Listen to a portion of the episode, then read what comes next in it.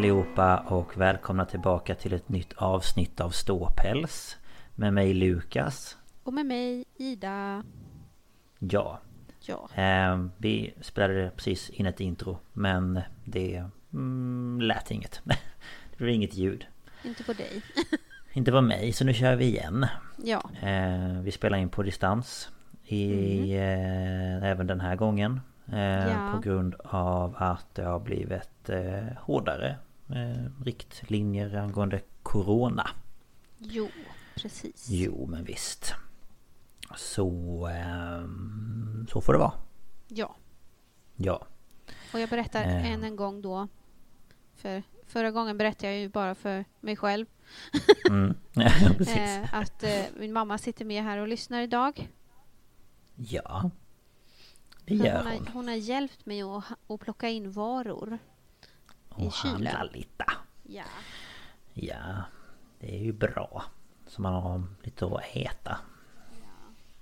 Men jag vet Ja. inte var katten är någonstans. Ja, Han okej, är han väl- är här. Jag vill bara hålla koll så han inte kommer och flyter i någon sladd eller något. Nej jag förstår. Ehm, Ja. Ehm, Och vi sa även det att när vi var på gymmet i måndags Det var då de kom med de här nya riktlinjerna. Och bara ni får inte gå på gym Bara, Okej vi ska Vi satt där. eh, Jag satt på en maskin och bara Okej, eh, får man träna klart eller? Ja Ska vi gå nu? Eh, ja. Eh, Ja. Men ehm, Ja nej men så vi avvaktar lite med gym helt enkelt De har ju Ja, sagt och- att det verkar vara okej men eh, eh, Ja, och speciellt eh, Friskis, de är ju jättenoga. Verksamhetschefen på Friskis i Uppsala eh, har ju haft kontakt med Folkhälsomyndigheten och allt sånt där och mm, berättat vad de har gjort för åtgärder sedan tidigare. Och Mm. de anser väl att de är, de är tillräckliga. Så att, Ja precis eh, men jag har ju bestämt att inte värda mer den här terminen. mm, Eh, Eftersom de Precis. här eh, nya rekommendationerna ska gälla liksom fram till jul. mm. Och eh, jag måste ju åka kollektivt och promenera genom centrala stan och sådär. Mm, så då mejlade jag min kontaktperson och sa att vi får ses nästa termin. Och det var helt Ja. okej såklart. Mm. Ja men såklart det är ju upp till För varje det- person Ja, är, vi är ju funktionärer, vi är ju inte anställda liksom så. Så det är ju hela Nej. tiden, vi får ju styra lite över oss själva på något vis. Jo men Så såklart det, det är skönt att det, och det gick att lösa. Så en annan tjej hoppar in, eller hon går dubbelt. ehm, Sofie Ah. går dubbelt. ah, Eh, Så hon kommer Ja, vara ja. istället för mig då. mm. ja, vi är ju ändå- bra Vi är ju ändå vi två samtidigt, det är bara det att det bara blir hon. Men det är liksom Mm. ändå inte så mycket folk i rörelse och det kommer bli mindre så det behövs typ inte två. Nej, nej såklart Nej men då kan de ju lösa det på det viset Men jag hoppas att det inte kommer påverka din utbildning i vår. Nej, jag hoppas ju inte det. Alltså att det påverkar den menar jag det. Mm. menar jag. Eh, Men eh, vi får väl se helt enkelt. Jag tänker mig fram till jul får man väl först och främst tänka. Mm. Och eh, ja, sen Ja. får de väl fundera ut hur de ska göra sen efter jul. Ja. Då har Men, vi li- haft eh, lite tid på sig och sådär. Jo men precis. Sånt Mm. är det. Ja. Ehm, Ska vi säga dagens ämne? Ja. Det är Kör. ju då svenska mordfall. Mm. Och som jag Mm. sa eh, i vår introduktion eller intro som inte blev något. Att eh, vi kör Mm. lite inspiration från My Favorite Murder. För de brukar ta emot eh, Hometown Murders från sina fans som de då läser upp i Mm. sina minisodes. Och då tänkte vi Precis. att vi skulle göra det. Så vi kommer ha ett fall ifrån mitt närområde och ett Jag ifrån ditt dig. närområde. Ja, precis. Nu bröts det som du sa att det gjorde innan för dig. Jaha. För mig. Det blev helt Vet knäpptyst. du vad jag tror bara, det är? Nej. Det blåser jättemycket här. Ja, jo, men det gör det här också. Så det Eh, kanske är skulle det ju, då. De har ju utfärdat varningar för starka vindar här. Mm. Jo, Så det är nog det därför. Ja, det är därför. Ja, men om det blir ett litet paus mitt i alltihopa så får jag väl klippa bort det. Ja, fast det blir ju inte paus i, eh, våra inspelningar. sant. Det blir ju bara paus i våra telefonsamtal. Det har du rätt i. Så ni märker ingenting. Nej, det var jag som sitter här och bara eh, va? Men Eh, då får ja. vi liksom säga nu hackade det igen, nu får du upprepa. Mm. Ja, en gång till. eh, ja, nej, men så jag ska i alla fall köra ett från eh, där jag kommer ifrån. Mm. Och du ska köra ett från eh, där du kommer ifrån. Typ. Mm. Ish. Så, ja. Ish. Ja. Eh, ish. Eh, och idag är det ju jag som börjar. ja, så det är väl lika Så bra vi bara sätter fart. Kör igång. Ja. Ja.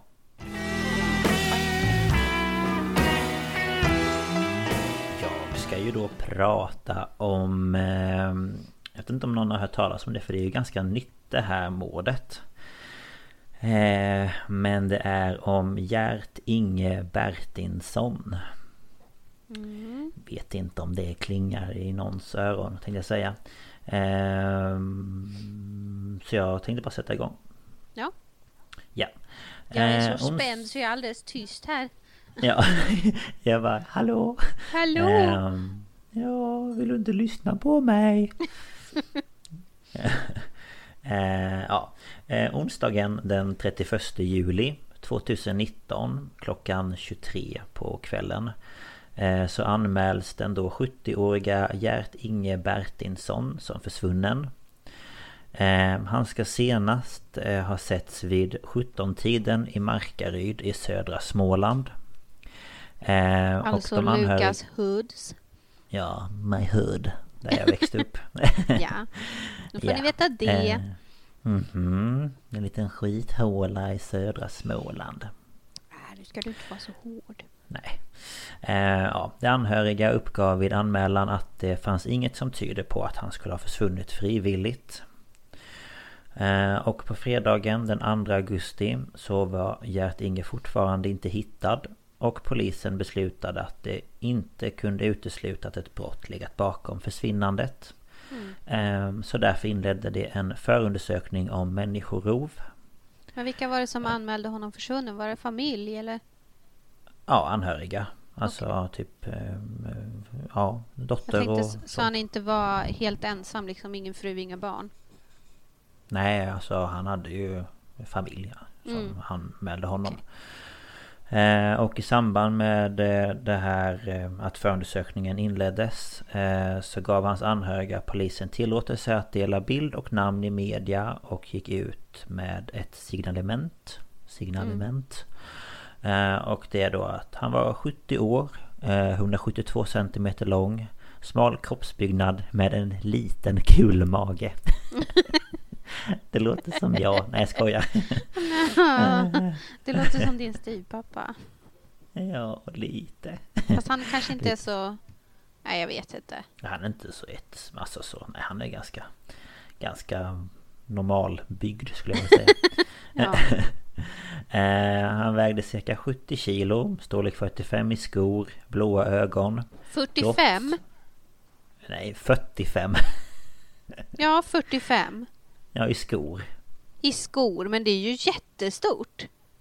Ja, det är det kanske. Ja, men vad, det- min ja. pappa har ju typ 40-41. Ja, ja nej men det, han hade väl stora skor. Herregud. Det är ju Eller åtta fötter, storlekar större säga. än mina. Ja. ja, Wow. det är du. Ja, herregud. Herregud. Ja, förlåt. Nej, ingen fara. Ehm, och han hade grått slash vitt hår. Väldigt tunnhårig och vid tillfället för försvinnandet nyklippt. Eh, glasögon med metallbågar. Och vid försvinnandet så hade han blåa jeans, en ljus kortärmad skjorta och troligtvis tofflor på fötterna. Ja, just det. Nu får jag fram den här bilden i nyheterna, tror jag. Ja precis och ehm, bilen som polisen efterlyser också ehm, är efter tips då är en Volvo XC90 nyare årsmodell ljusbrun metallic. Mm. Eh, ja, så det var signalementen liksom. Mm. Eh, och under söndagen den 4 augusti så deltog 35 personer från Missing People eh, i letandet samt polis med polishundar men utan resultat. Eh, och varken Gert-Inge eller hans ljusbruna Volvo påträffades. Eh, och eh, polisens fokus låg just då på den bil som han använde vid försvinnandet. Nu, då blev, det helt, nu blev det helt tyst. Blev det helt tyst? Ja. ja, då läser jag om det en gång till. Ja, gör det. Det är ja, det som att det bara bryts och så blir man så här okej, okay. och sen kommer du tillbaka som om ingenting har hänt. Ja, jag vet. Det var så som hände för mig också. Men ja, det är bra att du säger till. Ja.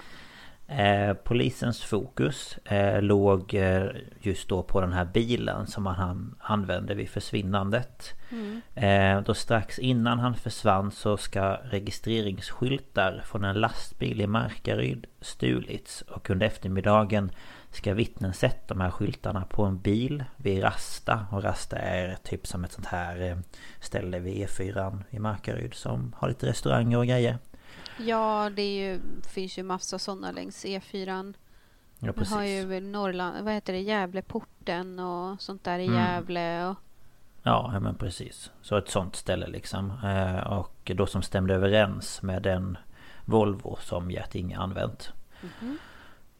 Och i bilen ska två okända personer syns tillsammans med en äldre man.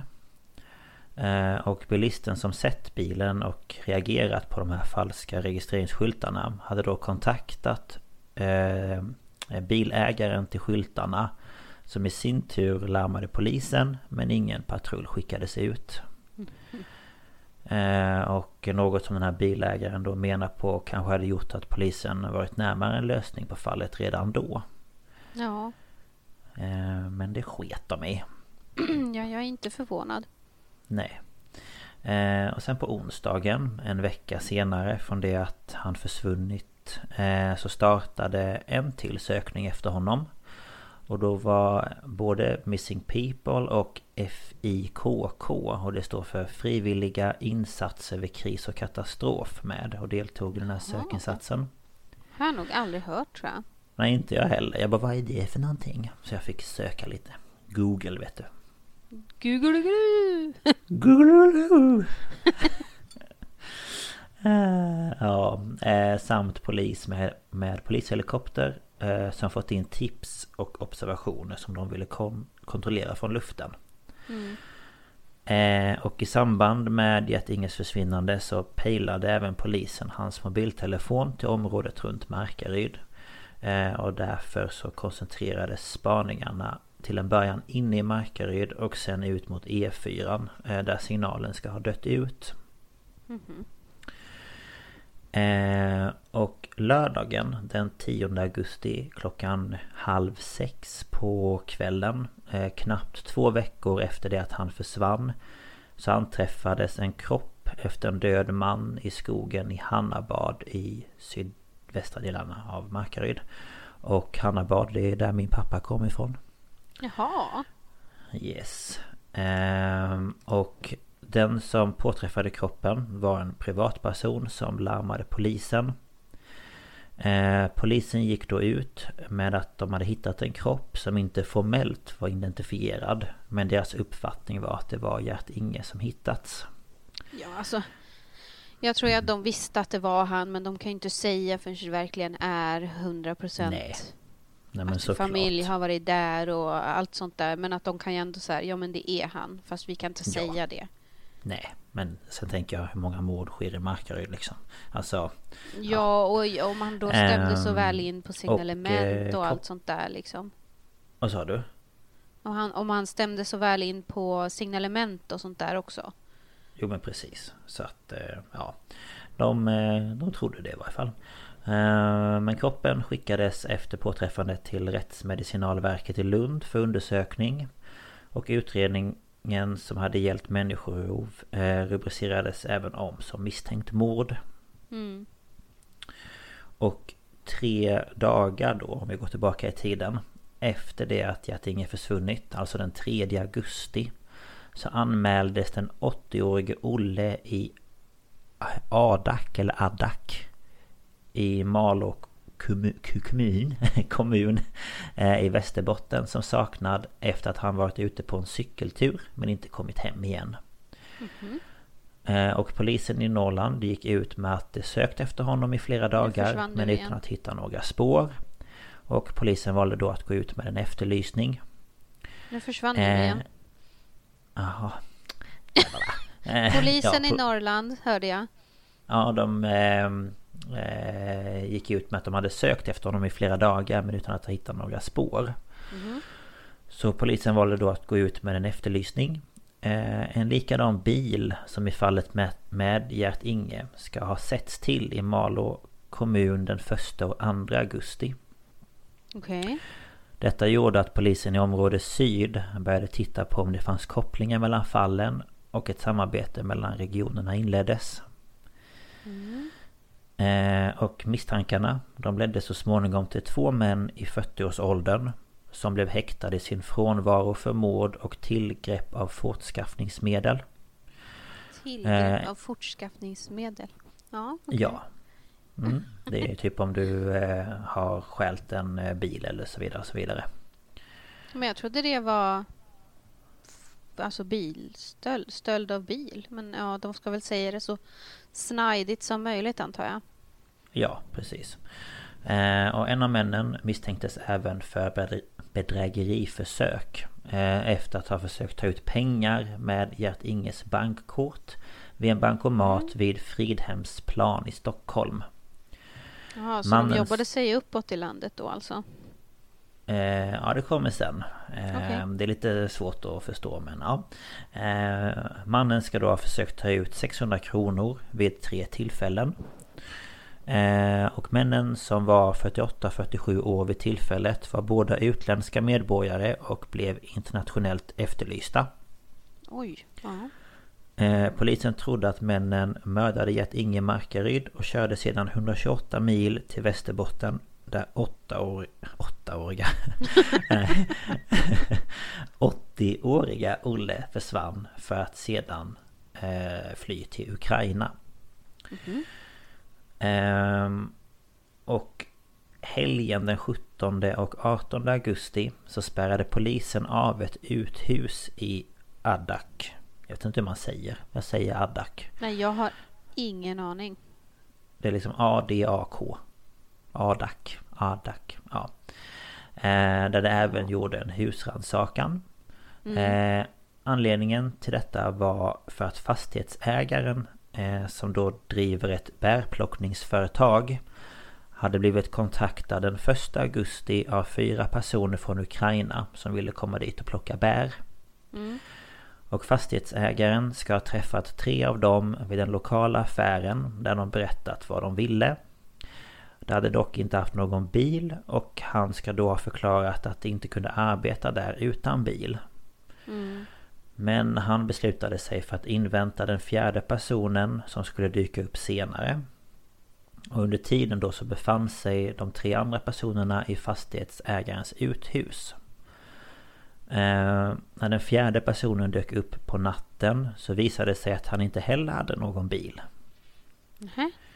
Eh, och han ska ha varit väldigt aggressiv och enligt fastighetsägaren ska bråk ha uppstått. Och var på natten därpå så hade han upptäckt att rutorna på hans bil var sönderslagna. Jaha. Eh, och han ska även ha pekat ut de två männen som jagades av polisen som kriminella och sagt att det inte är bra folk. Eh, mm. och han ska även ha sagt att han var 100% säker på att de två männen hängde samman med polisens utredning och att de andra två i gruppen ska ha verkat rädda för dem. Okej. Okay. Eh, och varför de då har kört från Markaryd till Västerbotten vet inte polisen. Men den 19 augusti så hittade polisen ett röstkort i Adak som var adresserat till Gert Inge. Jaha. Mm, så hans eh, röstkort låg hos, alltså uppe där. Ja, hur ehm. skulle det annars ha hamnat där liksom? Konstigt. Det bara flög det, dit. Det bara, vinden bara lyfte det och det bara blåste hela ja. vägen. Ja, det bara flög och flög och flög. och det slutade aldrig att flyga. typ. Åh gud vad konstigt. Eh, ja, herregud. Jättekonstigt. Eh, men eh, dagen efter då, den 20 augusti, så gick polisen ut med namn och bild på de två misstänkta männen. Med förhoppningar om att allmänheten skulle bidra med tips. Eh, det uppgav även att om någon såg dem så skulle man eh, direkt kontakta 112. Ja.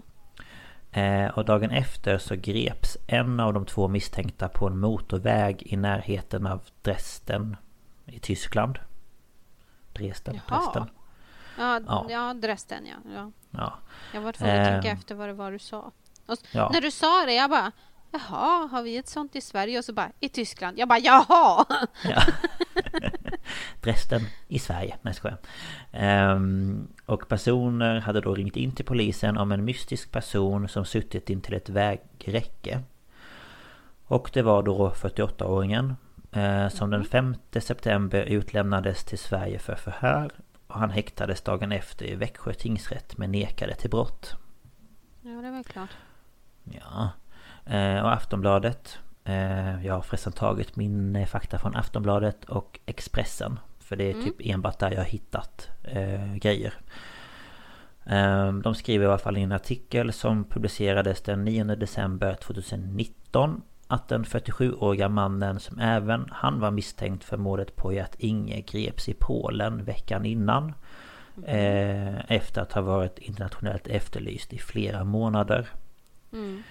Eh, och han utlämnades även till Sverige och häktades den 27 januari 2020 eh, till sannolika skäl misstänkt för mord. Mm.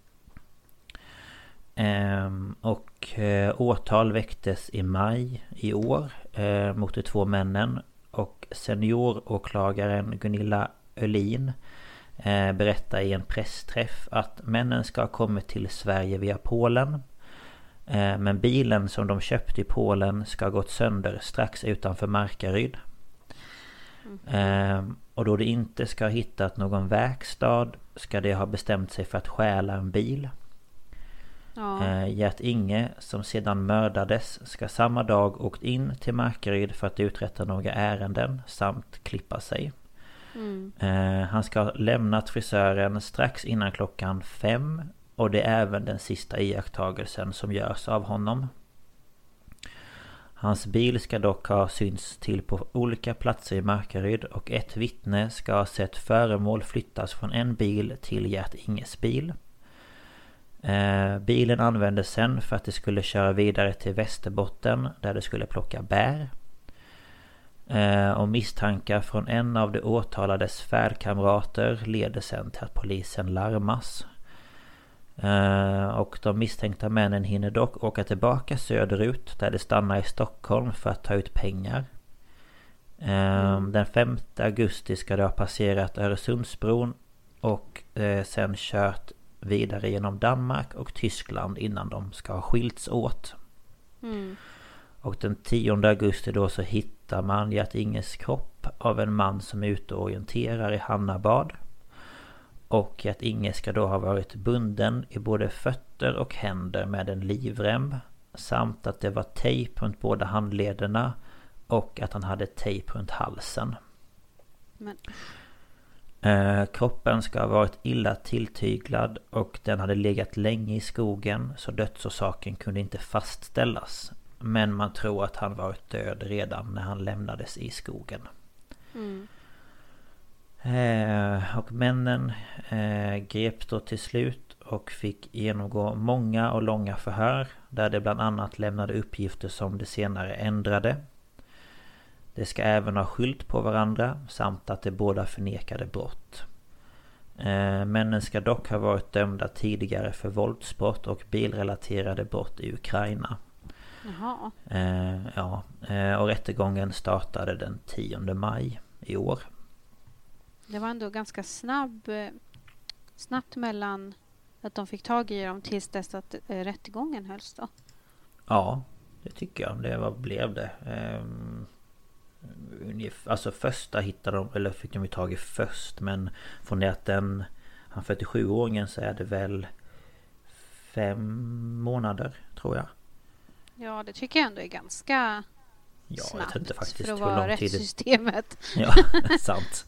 Jag vet inte hur lång tid det brukar ta men det Nej, jag vet inte väl... heller. Nej, jag vet inte riktigt. Eh, men eh, ja, enligt tingsrätten så har männen begått mordet för att dölja bilstölden.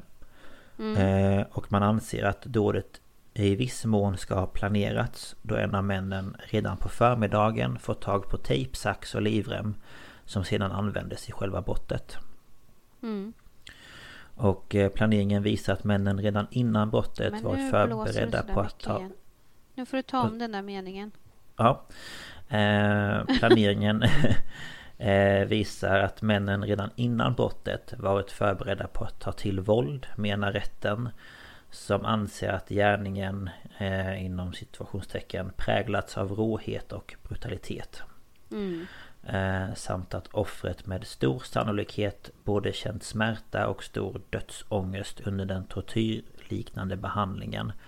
Eh, som avslutades med att den äldre mannen lämnades att dö på en avlägsen plats i skogen. Ja, alltså han, jag menar han var inte liksom purung så han hade väl inte så mycket att sätta emot heller. Nej, alltså jag, jag menar... Det är så fegt att gå på en gammal människa. Ja, jag känner det också. Han hade väl inte sådär jättemycket att sätta upp mot de två. Nej, verkligen inte. Ehm, så, eh, ja, nej. Eh, men den 7 juli i år så dömdes de båda männen till livstids fängelse för mord och tillgrepp av fortskaffningsmedel.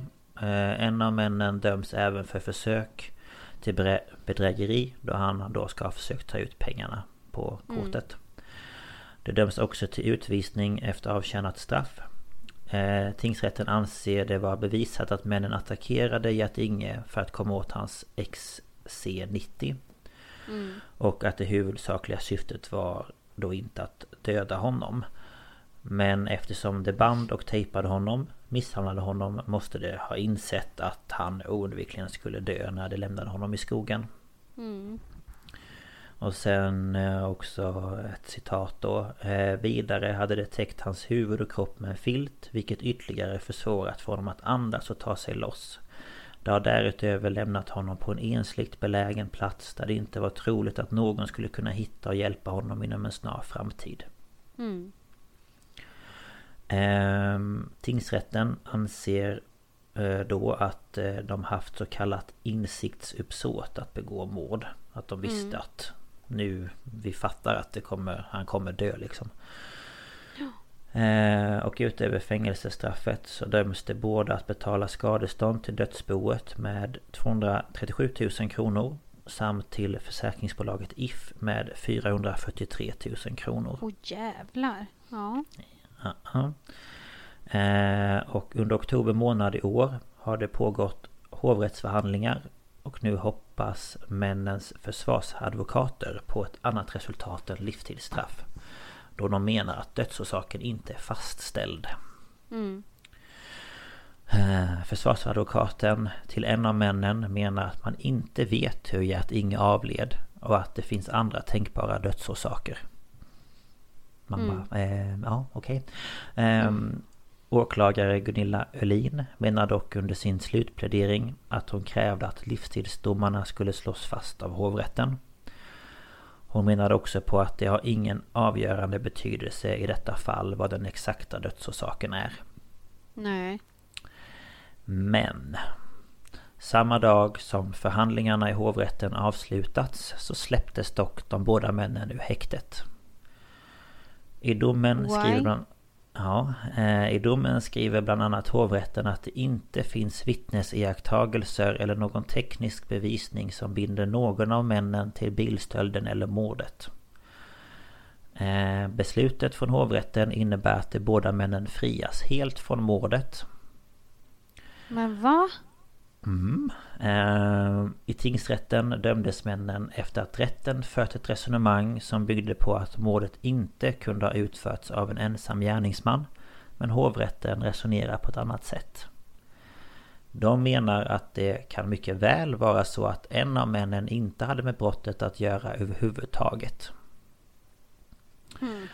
Och i ett pressmeddelande så skriver hovrätten citat Eftersom det inte är bevisat vem av de båda detta skulle vara frikänner hovrätten båda två från mord och tillgrepp av fortskaffningsmedel. En av männen döms dock för försök till bedrägeri. Mm. Hovrättens dom innebär också att männen inte ska utvisas. Så att eh, i fortsättningen så kommer de ha rätt att resa till Sverige Och det är oklart var männen befinner sig just nu. Det finns heller ingen koppling mellan Eller så polisen har inte hittat någon koppling mellan Gert-Inge och Olle i Adak ännu. Och Nej. de måste ta om rättegången från början. Ja men herregud. Slut. Åh oh, vilket antiklimax ja. när du bara ja de fick Så, livstid. Jag bara nu jävlar. Eh, de vet inte helt enkelt. För det finns ingen som har ja, men sett. fan. Alltså på riktigt.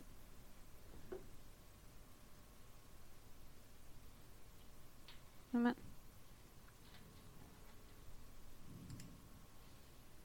Ja. Ja. Det bröts. Ja, det bröts. Um, ja, nej, så, så är det. Ja, nej, det var ju jätte, det... jätte...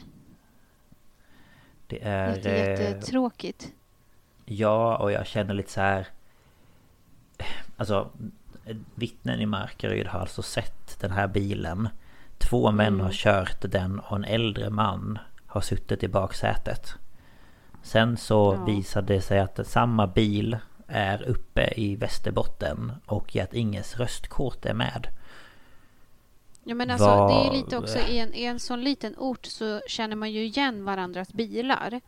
Ja, visst gör man det. Och eh, jag vet ju vem personen är som eh, ringde om eh, de här, mm, vad heter det? Eh, registreringsskyltarna. Jag vet ju vem det är. Mm. Mm. Um, och jag har ingen anledning att tro att han skulle ljuga. Alltså... Nej. Um, och... Um, ja, nej, det känns... väldigt konstigt att de båda blev friade från mordet helt och hållet. För jag tycker ändå ja, det tycker att... Det finns ju ändå en viss bevisning att... Någon av dem har ju haft med... Han att göra, alltså med Getinge att göra. Ja. Så eh, jag tänker väl att om det kommer fram någonting mer om detta senare så får jag väl göra en liten uppdatering. Ja. Om eh, de eh, gör om rättegången och om de hittar någon ny bevisning. Ja, ja vi får göra en uppdatering i så fall. Yes. Aj, nu är min det. katt på krigsstigen här. han, han nyper mig i armbågen jämt. Jag fattar Nej. inte. Jag sa det förra veckan också att han hade nypt mig i armbågen. Ja. Han siktar in sig på dem. Han tycker den är mysig. Ja, nu biter han mamma också. han bara, jag vill ha uppmärksamhet. Jävla huligan, ni kan inte bara sitta här. Nej, gör någonting då. Rör på er. ja, ja, men det där ja. var jättebra skrivet tycker jag. Ja, Intressant. Tråkigt så, såklart men... Ja det är jättetråkigt. Alltså grejen är att jag eh, känner igen dig. Alltså Gert-Inge. Jag har förmodligen sett honom. Jag frågade mina föräldrar. De vet ju också vem det är. Mm. Eh, men det händer ju inte så jättemycket i Markaryd. Och sällan Nej. mord. Eh, så när ja. det här väl kom upp så var det så här. Men gud. vad händer? Ja. Mm. Ja oh, herregud. Men det var jätteintressant. Tack för det. Ja, så lite så. Ska vi köra vidare till dig? Till ditt? Ja, vi hoppar vidare. Ja. Ja, nu har vi skuttat vidare då. Mm -hmm. Och eh, jag ska ju ta ett mord. Det är ju inte direkt från där jag kommer ifrån. Så här, Nej, inte exakt Precis, kanske. för att jag är ju från en liten ort utanför Uppsala. Och mm. vad jag vet så har vi inte haft några kända, eller vad jag vet, några mord överhuvudtaget här. Det, det är lite mer små, små ja. brott och sånt där här. Ja. Men jag tar ju då ett brott ifrån Uppsala. För det är, det är liksom min hemstad också kan man säga. Ja, det är ju Eftersom det. jag har gått i skolan där och allt sånt här. Precis. Så det blir min hometown. Your hometown. Är det östra um, Ås man säger? Ja, precis. Mm. Jag var bara tvungen att bara västra Aros. Nej, det är det inte. Det är östra. Västra Aros är Västerås. Precis. Tror Då hade jag rätt och, i min lilla hjärna. Och Sala brukar man väl säga bara Aros om, tror jag. Mm. Just ja. Så det är dina mm. hoods. mina hoods. Kanske mm. inte Västerås, men ja. Nej, men Uppsala tänkte jag. ja. Eh, jag tänker jag drar mina källor på en gång, så har jag det gjort. Ja. Det är SVT Nyheter Uppsala. Mm. Eftersom det var i Uppsala. mm. eh, FASS, eh, Aftonbladet och podden En mörk historia. Mm. How would you like to look five years younger? In a clinical study, people that had volume added with Juvederm Voluma XC in the cheeks perceived themselves as looking five years younger at six months after treatment. Look younger, feel like you. Add volume for lift and contour in the cheeks with Juvederm Voluma XC. Reverse signs of aging by adding volume to smooth laugh lines with Juvederm Volure XC. For important safety information and to find a licensed specialist, visit juvederm.com. That's J U V E D E R M.com. Not for people with severe allergic reactions, allergies to lidocaine, or the proteins used in Juvederm. Common side effects include injection site redness, swelling, pain, tenderness, firmness, lumps, bumps, bruising, discoloration, or itching. There's a risk of unintentional injection into a blood vessel, which can cause vision abnormalities, blindness, stroke, temporary scabs, or scarring. Talk to a licensed specialist to find out if it's right for you. Jag trodde först att det var Rättegångspodden som hade gjort det här, eller Peter Dokumentär, men det var en mörk historia. Just ja, men den har jag hört. Ehm, för jag vet vad du ska prata om, men en gång. Ja, Eh, jag tänker, jag drar mitt första stycke här så mm. kommer det fram vad det är jag ska prata om. Mm. Eh, den 13 december 2016 får SOS Alarm eh, in ett samtal om en brand på Hällbygatan i Luthagen i Uppsala. En lägenhet i ett bostadshus brinner och när branden är släckt hittar man kroppen av en ung kvinna. Det är Victoria Örnberg, 19 år. Detta kommer bli känt som Lucia-branden i Uppsala. Yes. Så det är det jag ska prata om. Där satt den. Mm. Mm. Jävlar vad bra. Ja. Jävlar vad bra det blev. Mm. Och det här, är, det här är egentligen helt sjukt för att jag har ju hört den här En mörk historia och sådär i efterhand. Mm. Men alltså, jag minns inte när det här hände. Vet, du vet ju väl vilket år det är men bodde jag här i Uppsala då? Det var ju 2016, så ja. Jaha. Ja, nej jag minns inte heller. Då hade jag ju bott här i eh, Då bodde ni ju i eran tvåa. Eh, ja. Nej, det kommer jag inte heller tvåa. ihåg alls. Det här är ju bara en månad efter jag och din fru var i Paris och allt där. Så jag liksom, vi umgicks ju jättemycket då. Så att, Just ja. Men jag... Eh, Nej, jag vet Vi inte. Vi var väl jag... inte så inne på nyheterna just då kanske, jag vet inte. Nej, alltså jag vet faktiskt inte. Nu är det ju mer nyheter för att man ska hålla sig uppdaterad med allt som händer i världen. Ja, sen så säger min mamma här också att det var ju precis då min mormor gick bort. Så det kanske var mm, det också. Just ja. Men jag, um, nej, jag kommer inte ihåg det alls. Nej. Men nej. Nu, nu, får vi en liten uh, uppfräschning här då. Yes. Eh, ska vi se. Ja, ungefär sex månader innan eh, Lucia då så mm. tog Victorias relation med en tidigare pojkvän slut och hon flyttade in hos sin stora, sy stora syster. Stor sy jag, jag börjar alltid så här. Alltså jag kan ja. inte ha en hel, en hel del där jag pratar ordentligt. det är standard nu, det är bara så det är. Ja. Det får mm. vara så. Ja. Hon flyttar i alla fall in till sin syster Alexandra. Mm. Eh, och Victoria har valt att hoppa av gymnasiet och liksom alla hennes kompisar då håller på att förbereda sig för studenten och allt sånt där. Det är ju sista året. Men hon mm. arbetar istället som servitris på en mexikansk restaurang. Och hon mm. har även under den sista tiden fått börja hjälpa till i köket. Så hon tar liksom med sig lite rester och sådär hem till sin syrra mm. och de sitter och myser. Och Eh, de kunde prata om allt och inget och Victoria berättade att hon drömde om att plugga utomlands eftersom hon ville resa. Mm. Typiskt att tonåring vill se världen liksom. Ja. Eh, och de har så här, ja men mysiga filmkvällar och ja, mm. sådär. Mm. Eh, men eh, filmkvällarna då om vi börjar närma oss liksom december, de blir allt färre och färre och Victoria spenderar mer och mer tid med sin nya pojkvän. Mm, okay. eh, och nu kommer jag då att berätta om hur de träffades. Mm. Han heter Tim, eller Timothy, eller Timothy heter han egentligen, men alla säger mm. Tim. Mm. Eh, de träffades ungefär sex år tidigare och blev då tillsammans men efter en tid så gör han slut och efter det blir det inte mer än några sporadiska meddelanden under några år. Mm. Men så under en sensommarkväll 2016 så träffas de på en fest hos en gemensam vän och börjar prata. Och efter festen så blir de återigen ett par.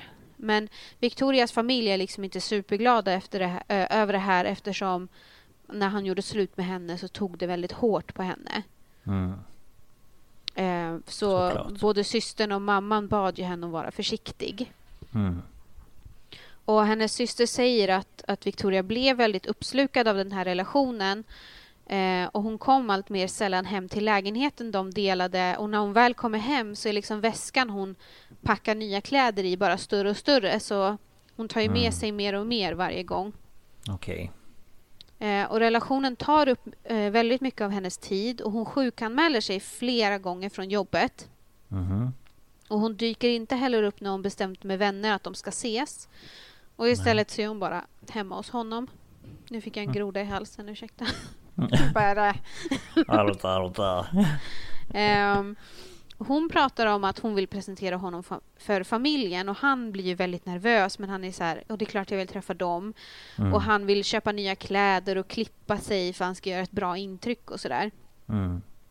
Men den här äh, träffen blir aldrig av. Och Victoria brukade alltid åka till sin mamma och sin, sin låtsaspappa eller styvpappa. Eh, hon åkte till dem en gång i veckan minst. Okej. Okay. Eh, men det blir också inställt hela tiden. Mm. Men de pratar ju mycket i telefon. Mm. Och Victoria säger liksom så här, ja, jag vet att jag har hållit mig undan, men jag är bara så himla trött. Okej. Okay. Och eh, hennes mamma får också veta att hon ibland eh, brukar cannabis. Mm. Och det gör mamman väldigt förvånad, för hon har arbetat med folk som har drogproblem och har alltid varit öppen med vad som händer när man tar droger och liksom alltid varit tydligt att i min familj är det nolltolerans. Okej, okay, ja. Så det, det, tar hon ju upp med henne att jag vill, inte, jag vill inte höra att du håller på med sånt här mer. Nej. Eh, och Alexandra berättar att hon och Victoria pratar mycket om relationen med, som hon har med Tim. Och, och, Victoria säger att den är bra och de letar hus för de vill flytta ihop men att det är jobbigt ibland för Tim dricker ganska mycket. Okay, eh, ja. Och när han blir väldigt full så blir han nonchalant och en kväll försvann han bara och hon visste inte vad han hade tagit vägen och sen fick hon veta att han hade hamnat i fyllecell. Ja, ah, great. Man bara, trevlig kille, verkligen. Ja, det låter ju som ett gott tecken. Mm. Men hon är väl, det är väl alltid den där, ja men jag kan göra allting bra. Ja, jag kan göra dig till en bättre jag människa. Kan ja, precis. Jag, jag kan, kan, förändra, förändra dig. dig. Mm. Ja. Kvällen den 12 december blir sista gången Alexandra ser sin syster i livet. Mm. Hon hade då SM, eh, MMSat en bild på Victorias stökiga del av lägenheten. Hon hade liksom som ett litet loft. Okej. Okay. och bara, nej, nu, det ser för jävligt här ut. Du måste komma hem och städa. Mm. Eh, och Victoria kommer då efter jobbet och börjar städa och då märker eh, Alexandra att hon är inte lika glad och skämtsam som vanligt. Okej. Okay. Eh, och hon frågade om Victoria skulle stanna över natten så de kunde umgås. Och då sa hon först ja, men sen kom hon tillbaka och sa att hon skulle åka till Tim ändå. Och mm. när Victoria gick så pratade Alexandra bara i äh, Alexandra pratade i telefonen. Så de vinkade bara hej då åt varandra. Mm. Det var sista gången hon såg sin syster i livet. Ja. Roligt. Så var, I den här En mörk historia så märkte man att hon var väldigt... Ja, det var jobbigt för henne. Ja, men såklart. Man vill ju man tänker väl oftast på det när man alltså förlorar någon att vad var det sista jag sa eller vad var det sista jag mm. gjorde eller ja. Ja, usch. Mm. Um, och den 13 december halv åtta på morgonen så ringer Victoria till sin styvpappa. Och det är honom hon ofta hör av sig till om hon behöver hjälp eller skjuts eller så. Mm. Men han hinner inte svara. Och det här är det sista telefonsamtalet som Victoria ringer. Okej. Okay. Nu kommer vi då till själva dagen här då. Mm. Eh, en man ligger och snosar i sin säng. Klockan är halv åtta på morgonen. Och eh, plötsligt så hör han oljud från lägenheten under. Mm. Eh, och det låter som att man kastar runt möbler. Så han bara, mm. ja men det låter typ som att han, man ska renovera och bara förstöra allt typ. Mm. Han hör också något högfrekvent ljud och han kan inte avgöra om det är människoskrik eller ett verktyg. Nej. Och en annan granne hör eh, höga upprörda röster i trapphuset. Och hon tittar ut och ser en lättklädd man gå ut från huset. Och hon lägger det här på minnet eftersom mannen är utan eh, byxor, strumpor och skor. Så han har bara en röd tröja och kalsonger på sig. Ja, det och det här är ju, det är ju i december, det är minusgrader. Ja. Och snö. Brukar inte du gå så när det är december? Nej, tyvärr inte. Nej. Okay, jag, jag, jag brukar se till att mitt Lucia-linne är lite längre än så. Ja, ja men det är bra. ja. Um, hon ser i alla fall att han skriker efter någon när han går där ute. Mm. Och ute så står en annan granne eh, och ska låsa upp sin cykel. Eh, och hon hör då en dörr slås upp och någon ropar stanna stopp. Mm -hmm. Och ut genom här, den här dörren kommer en ung kvinna och hon tittar upp och ser att den här kvinnan är fullt påklädd och har en packad väska som om hon ska resa iväg. Och ut efter henne kommer den här lättklädda mannen och hon kan ju inte låta bli att titta på det. Alltså, nej, det är klart nej, man, nej. man barfota och ja. Mm. Och hon hör då hur den här kvinnan säger någonting i stil med Du drar inte ner mig någon mer gång och du slår mig aldrig mer. Okej. Okay. Och hon lyssnar ju då lite extra noga. Ja, såklart. såklart. Ja, men hon gjort. står ju ett tiotal meter bort så det blir bara mummel för henne till slut. Mm. Men vad hon såg så rörde de inte varandra och hon kände inte att situationen var så hotfull. Nej, okay. Eh, så hon valde att inte liksom gå emellan. Och efter en kort stund så rör sig mannen tillbaka mot porten och kvinnan följer efter. Mm. Och hon, hon berättar i, i en mörk historia att hon tänker så här, nej men du går väl inte tillbaka med honom? Liksom så. Mm. Mm.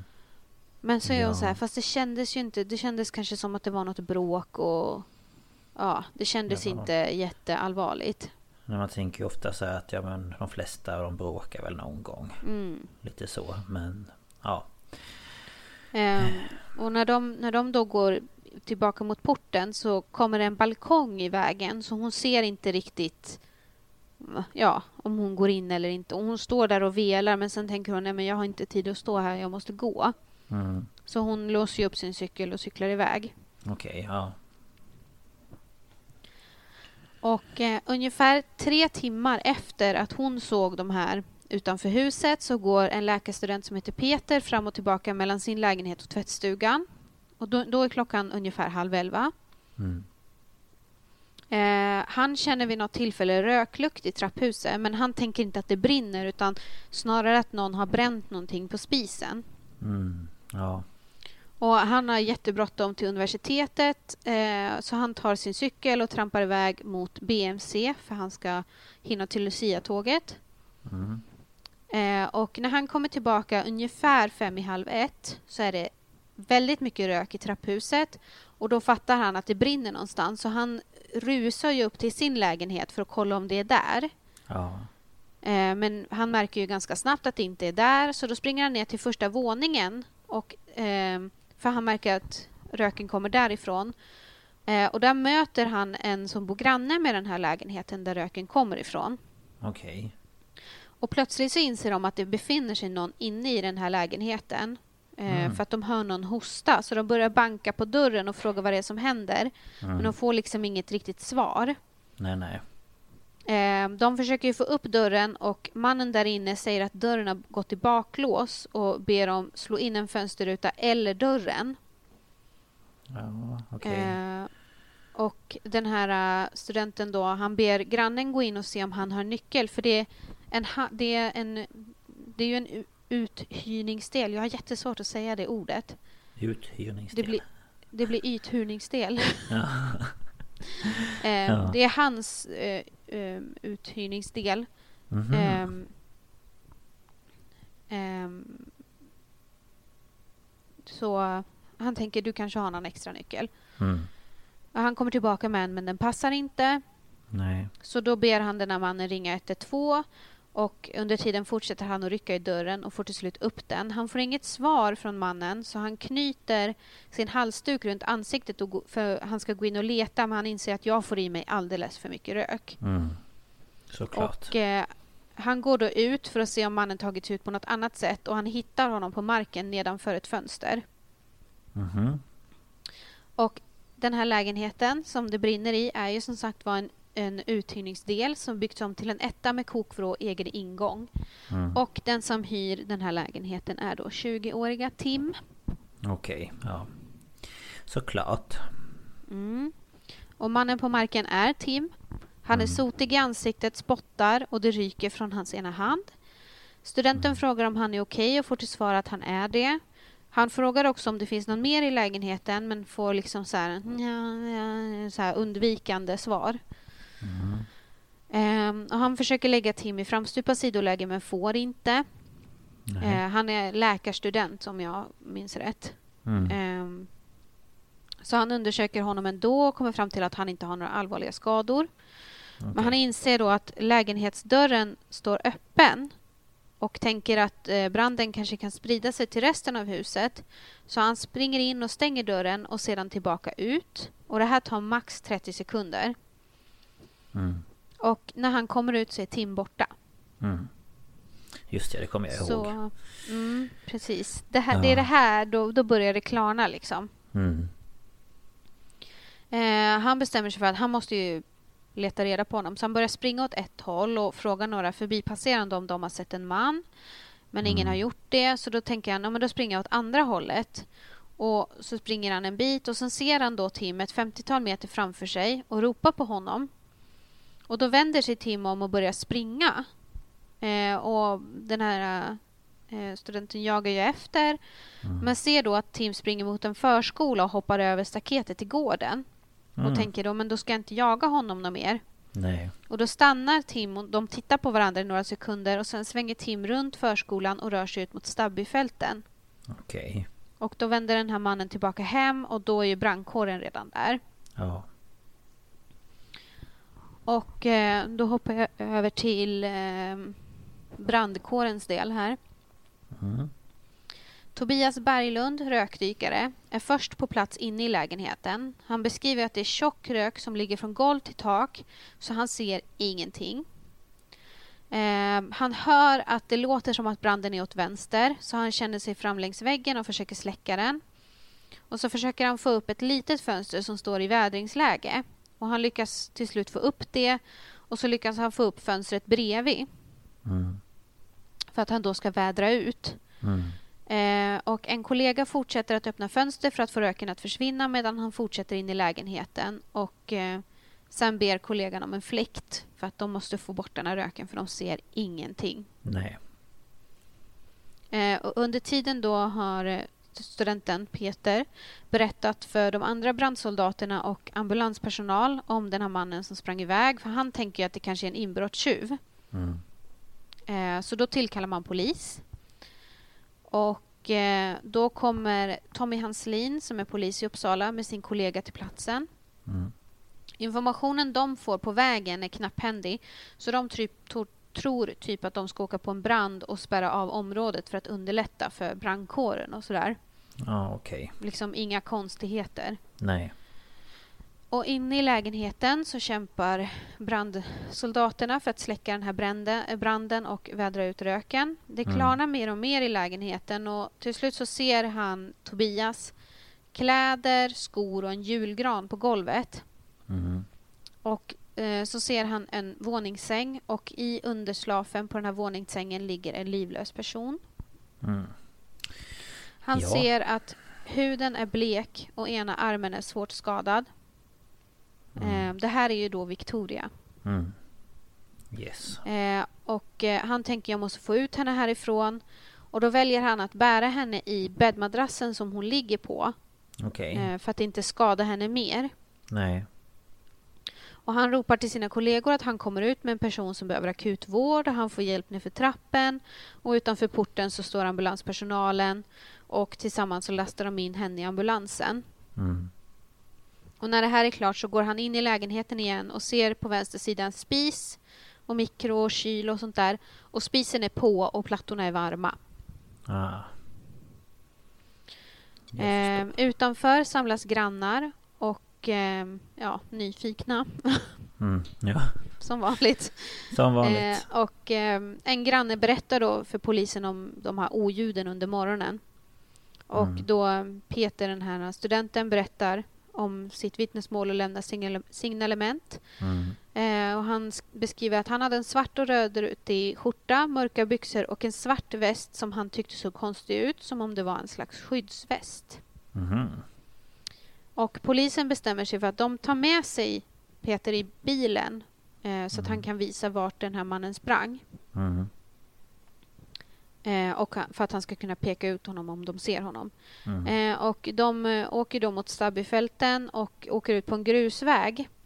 Eh, vid ja, ett fält, det är ju Stabbyfälten. Ja. Eh, för att undersöka ett litet skogsparti och där ser han då, den här mannen, Tim, mm. som vi vet är Tim, mm. springa parallellt med vägen. Och det är så snö så det går liksom inte jättefort. Nej, såklart. Eh, så Polisen Tommy och hans kollega springer ut från bilen och efter mannen och han inser ju att han kommer inte kunna springa ifrån dem. Så Nej. han vänder sig om och går emot dem och då drar de då sina vapen och säger att de är polis. Mm ehm, för att ja, men det blir ju, de vet ju inte vad han har på sig liksom. Nej. Och då sätter han sig på knä och håller händerna bakom huvudet och de får sätta handfängsel. Eh, och eh, de kan ju inte ta med sig honom i bilen eftersom de har Peter med sig. Så då ropar ju de på kollegor på radion. Eh, och medan de väntar eh, så får de veta via radion att en eh, kropp är hittad i lägenheten. Och när Tim hör det säger han min flickvän, min flickvän. Mm. Man bara, eh, ja, mm, det mm. visste du redan. Ja, det gjorde han ju uppenbarligen. Ja. Samtidigt så har man ju då lastat in Victoria-ambulansen och där konstaterar man snabbt att det är för sent. Hon är borta. Mm.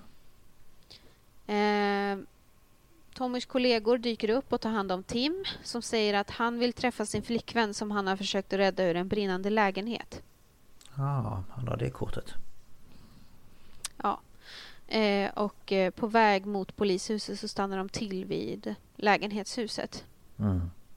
Bara för att, ja men, mm. det är väl något sån där, här ska du få se vad som har hänt, typ. Mm. Eh, och på radion så får Tommy höra att Victorias kropp har skador som tyder på att någon har försökt att stycka den inne i lägenheten. Nej men usch. Fy. Och när man visiterar Tim på polisstationen finns Victorias blod på hans kropp och kläder och en tändare faller ur hans kalsonger. Men varför har du tändare i kalsongerna? Nej, det är bra. Man vet aldrig. Nej, men du vet, man vet aldrig när man ska röka och den är ju varm och så där. Ja, håller den sig fungerande vet du. Den blir ju inte så här frysskadad. um, um, systern Alexandra har efter jobbet den här dagen gått till en barndomsvän för att tatuera sig. Mm. Och mitt i den här tatueringen så ringer hennes mamma och säger du måste komma hem nu. Mm. Och hon blir ju så här, ja, men orolig såklart, så hon ringer upp mamman igen och vill veta vad som har hänt, men får bara till svar att hon ska komma och hon ska plocka upp sin andra syster Danielle på vägen. Mm. Hon fattar ju såklart att något har hänt med Victoria, för att ingen, de bad ju inte någon att hämta henne liksom. Nej. Och hon tänker då att Tim har slagit henne. Mm. Men när hon kommer hem till sin mamma så hittar de henne och styvpappan sittande i soffan och mamman är liksom inte ledsen, så här, gråter eller så. Hon är bara helt blank, avtrubbad mm. liksom. Mm. Och så säger hon bara Vickan är död. Mm. Och allt de har fått veta är att det har varit en brand. Så de tror att det bara är det. Okej, okay. ja. Ja. Det är väl, det, det, de kan ju inte säga så mycket mer sådär på en gång. Nej, nej såklart. Eh, polisens tekniker söker igenom den här lilla ettan på Hällbygatan. Och mm. trots all sot och brandskada så hittar man blod på golv, möbler och väggar. Mm. Och man hittar en deformerad del av ett dammsugarrör på golvet bredvid sängen. Mm. Man hittar blodiga plastpåsar och Victorias avklippta hår i en teförpackning och eh, i ett busskortsfodral. Och i mm. ugnen ligger resterna av en hårborste. Eh, man undrar vad fan som har hänt där. Bara, vi lägger, vi lägger lite hår i um, en busskortshållare. Ja, ja alltså, det är jättekonstigt. Eh, och i innerfickan på en jacka tillhörande Tim så hittar man ett handskrivet brev. Och eh, de läste upp det i en mörk historia så jag har bara skrivit av det de sa så jag antar att det är liksom exakt vad som stod. Mm. Och det står så här. Hej Tim. Jag tänker inte sitta och lägga ner mer tid på att få dig att förstå vad du gjorde mot mig igår. Men jag säger bara att jag är sjukt ledsen och besviken på dig. Tro mig när jag säger det. Jag tycker verkligen om dig och jag bryr mig om dig. Jag vill inte att det ska ta slut på grund av att du inte kan hantera alkohol men du måste också inse det och vilja göra något åt det om det här ska funka. Mm. Det som är värst är att du inte minns vad som har hänt och att du börjar vända dig mot mig istället för att vara ledsen och be, för det och be om ursäkt. Mm. Jag har offrat mycket för dig och jag är beredd att släppa det också om du inte börjar visa lite känslor för mig. Mm. Tro mig, jag förstår att du inte mår så bra men låt mig hjälpa dig i så fall. Prata med mig. Just nu är jag själv inne i en svacka och jag har inte råd att sätta mina känslor på spel. Vik. Mm. Ja, Någonting eh, så det... har ju hänt. Ja, det är ju tydligt. Ja. Eh, så, och det är ju eh, handskrivet då i hennes handstil och, mm. och allting. Mm. Eh, och eh, bara två dagar senare, den 15 december, så begär åklagaren att Tim ska häktas misstänkt för mord och mordbrand. Mm. Och den första juni åtalas han, 2017 då, det är ett halvår senare, så åtalas han för mord och mordbrand. Och eftersom han ska ha givit sig på Victorias kropp med ett vasst föremål efter att hon avlidit åtalas han också för brott mot griftefriden. Mm. Och här är ett citat ifrån en eh, nyhetsartikel. Jag påstår att han har försökt stycka henne. Han försökte avskilja armarna från kroppen och när det inte har lyckats så har han försökt elda upp henne och lägenheten för att dölja mordet. Det säger då åklagare Ann Sjöblom. Mm. Ja. Och den 9 juni, ungefär en vecka senare, så börjar rättegången. Och Tim står då åtalad för mord, mordbrand och brott mot griftefriden. Mm. Och eh, åklagaren lägger då fram bevis för att Victoria inte dog av branden. Eh, för den rättsmedicinska obduktionen visar att det inte fanns något sot eller koloxid i hennes lungor. Nej, okej. Okay.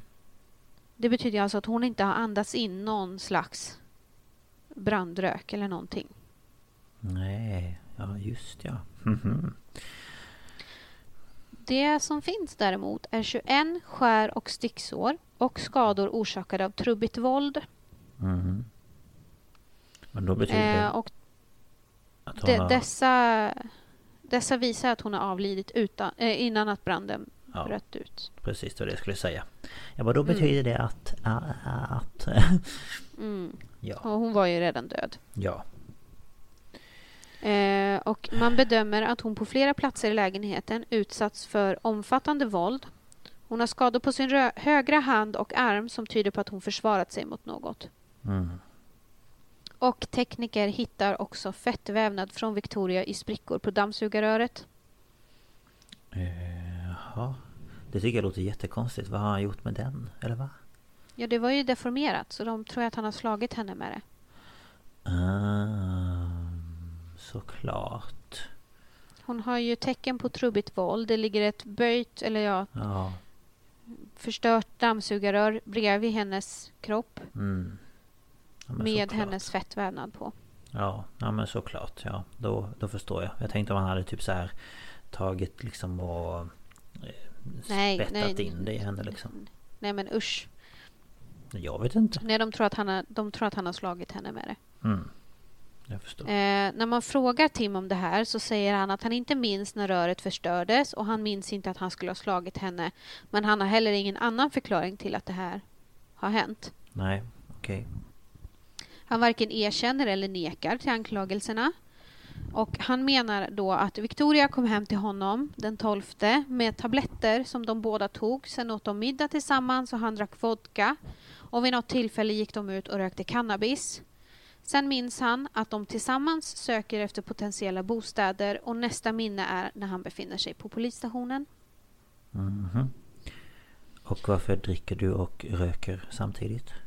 Och tar tabletter. Och tar tabletter. Eh... De har gjort tester på honom. Ja. Och han hade varken spår av cannabis eller alkohol i kroppen. Nej. Men det man hittar är det narkotikaklassade ämnet klorazepam, eller klorazepam som man säger på engelska. Ja. Och det finns i både hans och Victorias kropp. Okej. Okay. Så det här med att hon hade tabletter verkar ju stämma. Ja. Eh, det här eh, tillhör lä läkemedelsgruppen bensodiazepiner. Mm. Och det används för att eh, förhindra att signaler som utlöser ett epileptiskt anfall sprider sig i hjärnan. Mm. Och där kan man då dämpa anfall eller pågående anfall och nya. Mm, jag förstår. Um, så de har i alla fall tagit tabletter. Okej, okay, ja. Eh, den 21 juni hölls den avslutande rättegångsdagen och tingsrätten beslutade att Kim, Kim, Tim menar jag, jag är så van att säga Kim, ja. Tim, ska genomgå en rättspsykiatrisk undersökning och den 24 juni publicerar SVT Nyheter Uppsala att Tim inte led av någon allvarlig psykisk störning vid tiden för brottet. Nej, okej. Okay. Och den 1 augusti faller domen. Tim döms för mordet på Victoria Örnberg. Han döms också för brott mot griftefriden, eh, för försöket att stycka kroppen och han döms för mordbrand efter att ha försökt tända eld på lägenheten och dölja brottet. Mm. Tingsrätten gick på åklagaren Ann Sjöbloms linje och dömer då honom, då 21 år, till 14 års fängelse. Och anledningen till att han inte får livstid är för att han var under 21 vid tiden för brottet. Mm. Ah. Annars skulle han kunna ha fått livstid. Det ja. här är liksom det, det, starkaste han kan få. Ja. Eh, han ska också betala 450, 415 000 kronor i skadestånd till Victoria Örnbergs eh, anhöriga och försäkringsbolag. Ja. Eh, och hans advokat Magnus Nyström ansåg dock att han borde ha fått ett lägre straff och mm. att han borde ha dömts för dråp istället för mord eftersom han då menar att det framstår som att brottet har varit en impulshandling snarare än en överlagd gärning. Men han har ju haft flera tillfällen där han kan stanna upp och tänka efter vad han håller på med. precis. Så att, eh, nej. Jag går inte med på det. Nej, jag tänker om bråket redan började vid typ halv åtta på morgonen. Mm. Kanske innan. Ja. Men förmodligen eftersom de var ute då. Mm. Ehm, så ehm, nej, jag tror inte att han... Det bara blev som det blev. Nej, precis. Eh, Uppsala tingsrätts dom överklagas till Svea hovrätt som 10 oktober 2017 delar tingsrättens uppfattning om målet och domen på 14 års fängelse står fast. Mm. Mm. Men det är inte slut. Nej, nej. jag bara mm. I oktober i år, mm. alltså för en månad sedan, mm. så åtalas han igen. Jaha. Men den här gången så åtalas han för att han har ofredat kriminalvårdare på anstalten han sitter på. Nämen. Oh. Han ska också eh, bland annat ha spottat på anställda samt kastat kiss och bajs på dem.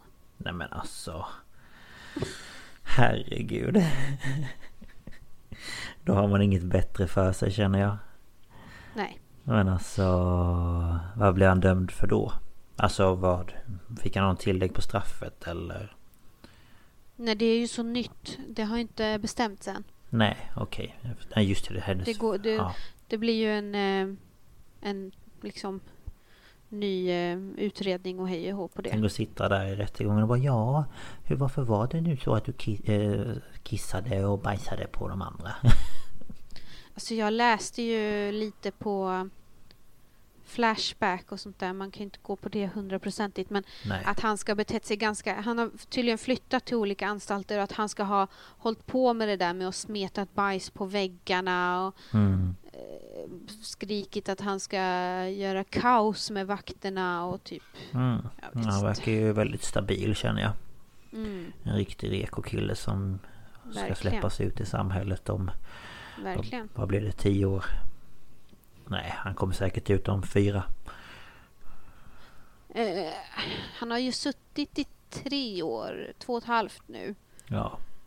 Så kommer han väl sitta eh, hälften av tiden. Jag, ja, jag vet inte Nej, faktiskt. Vet inte. Om han det... håller på att bete sig sådär så kommer det nog bli ett Ja, jo, han lär ju inte... Om man skulle... Han beter sig ju inte bra liksom. Nej, nej. Och då blir det väl ofta så att man får sitta lite längre men... Eh, mm. Ja. Nej, men han verkar ju stabil i varje fall. Mm. Mm. ja, herregud. Men det är ju så... Ja, nej. Hemskt för henne. Ja, och, och anhöriga. Ja, man undrar ju vad det är som...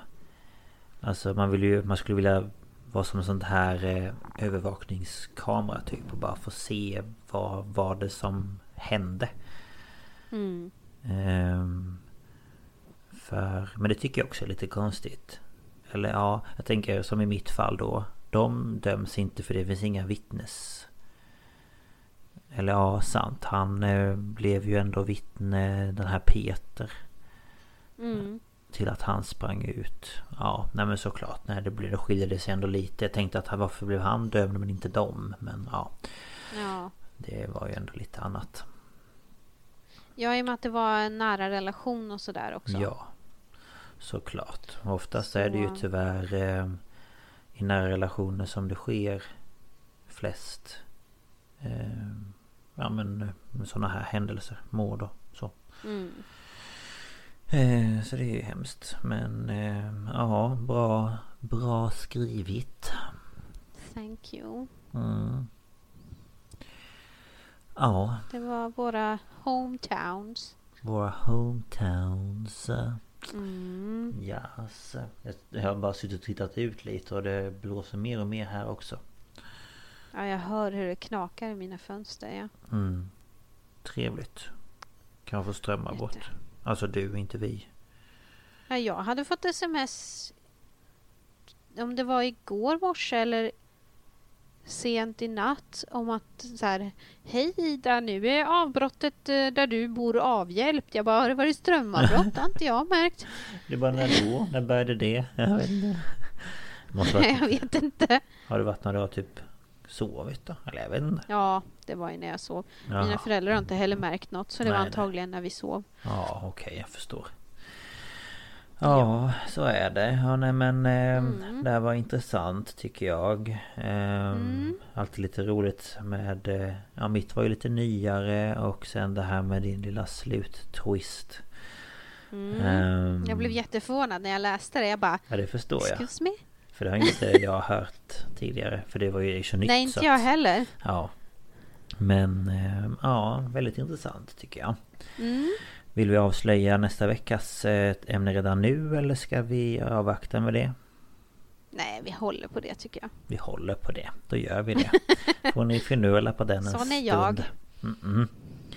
Eh, men eh, det var väl allt för den här gången, tänker jag. Ja, det eh, tror jag. Ja, så får ni ha det så bra alla som lyssnar ja. och... Eh, och som vanligt så skriver vi våra kontaktuppgifter i avsnittsbeskrivningen. Så ja. ni kan kontakta oss på mail eller på Instagram. Om det är någonting. Om ni har synpunkter, tankar om avsnitt eller tips. Mm. Precis, så ni får jättegärna mm. höra av er. Eh, ja. och, eh, och, ni får gärna sätta betyg på podden också. Mm. På Acast. Det går att göra på och Acast ni som lyssnar på iTunes. iTunes får också jättegärna lämna betyg. Mm. Gärna bra betyg. Ja, en eh, femma. Nej, skojar. Nej, men det hade uppskattats. Vi tar också. inget lägre än en trea. Nej, tre och uppåt. Annars behöver ni inte lyssna på oss. Nej, skojar. Nej. Ja, ja, ja. nej men eh, ha det så bra så hörs vi nästa vecka. Ja, håll er friska. Mm. Hej då! Hej då!